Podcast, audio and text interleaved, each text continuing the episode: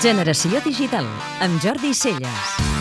Els mitjans de comunicació impresos, bàsicament premsa diària i revistes, estan afrontant de múltiples formes el pas dels seus lectors tradicionals del paper al suport digital.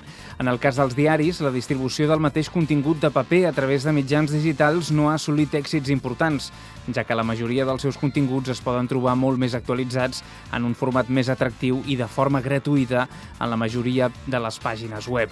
Altres propostes de quios digital estan treballant la via del valor afegit, oferint el diari de paper en format digital per ser llegit en una tauleta tàctil just al mateix moment en què va impremta, o oferint les edicions regionals que de vegades són difícils d'aconseguir.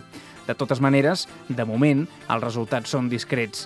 El cas de les revistes permet respirar un cert optimisme, ja que els seus continguts no s'han distribuït de forma gratuïta com en el cas de la premsa diària i el seu contingut manté un valor elevat per part dels seus lectors. Sigui com sigui, la indústria sempre es mou més lenta que els usuaris independents i des de fa temps la web yukiosc.com permetia veure de forma gratuïta, còmoda i ràpida la majoria dels mitjans de comunicació impresos que es poden comprar a casa nostra.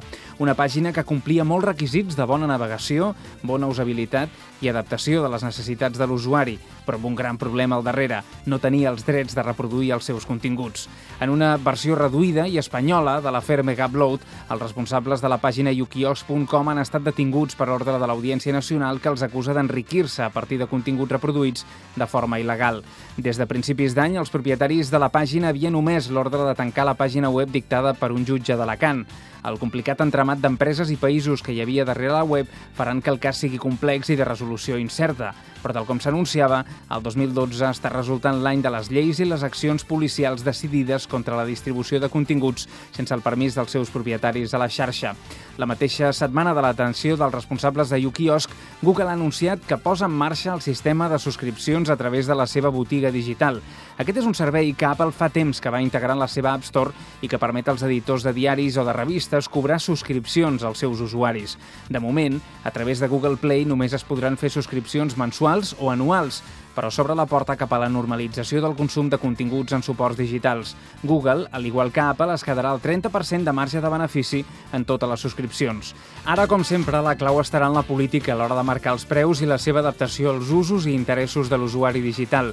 Una bona gestió de les eines que comença a haver-hi a disposició dels usuaris pot fer que casos com el de Yukiosc no tornin a existir, però no per l'acció repressiva de la justícia i la policia, sinó perquè s'haurà trobat un bon camí capaç de satisfer els usuaris que tenen ganes de llegir. Podeu escoltar Generació Digital cada dissabte de 4 a 6 de la tarda a Catalunya Ràdio.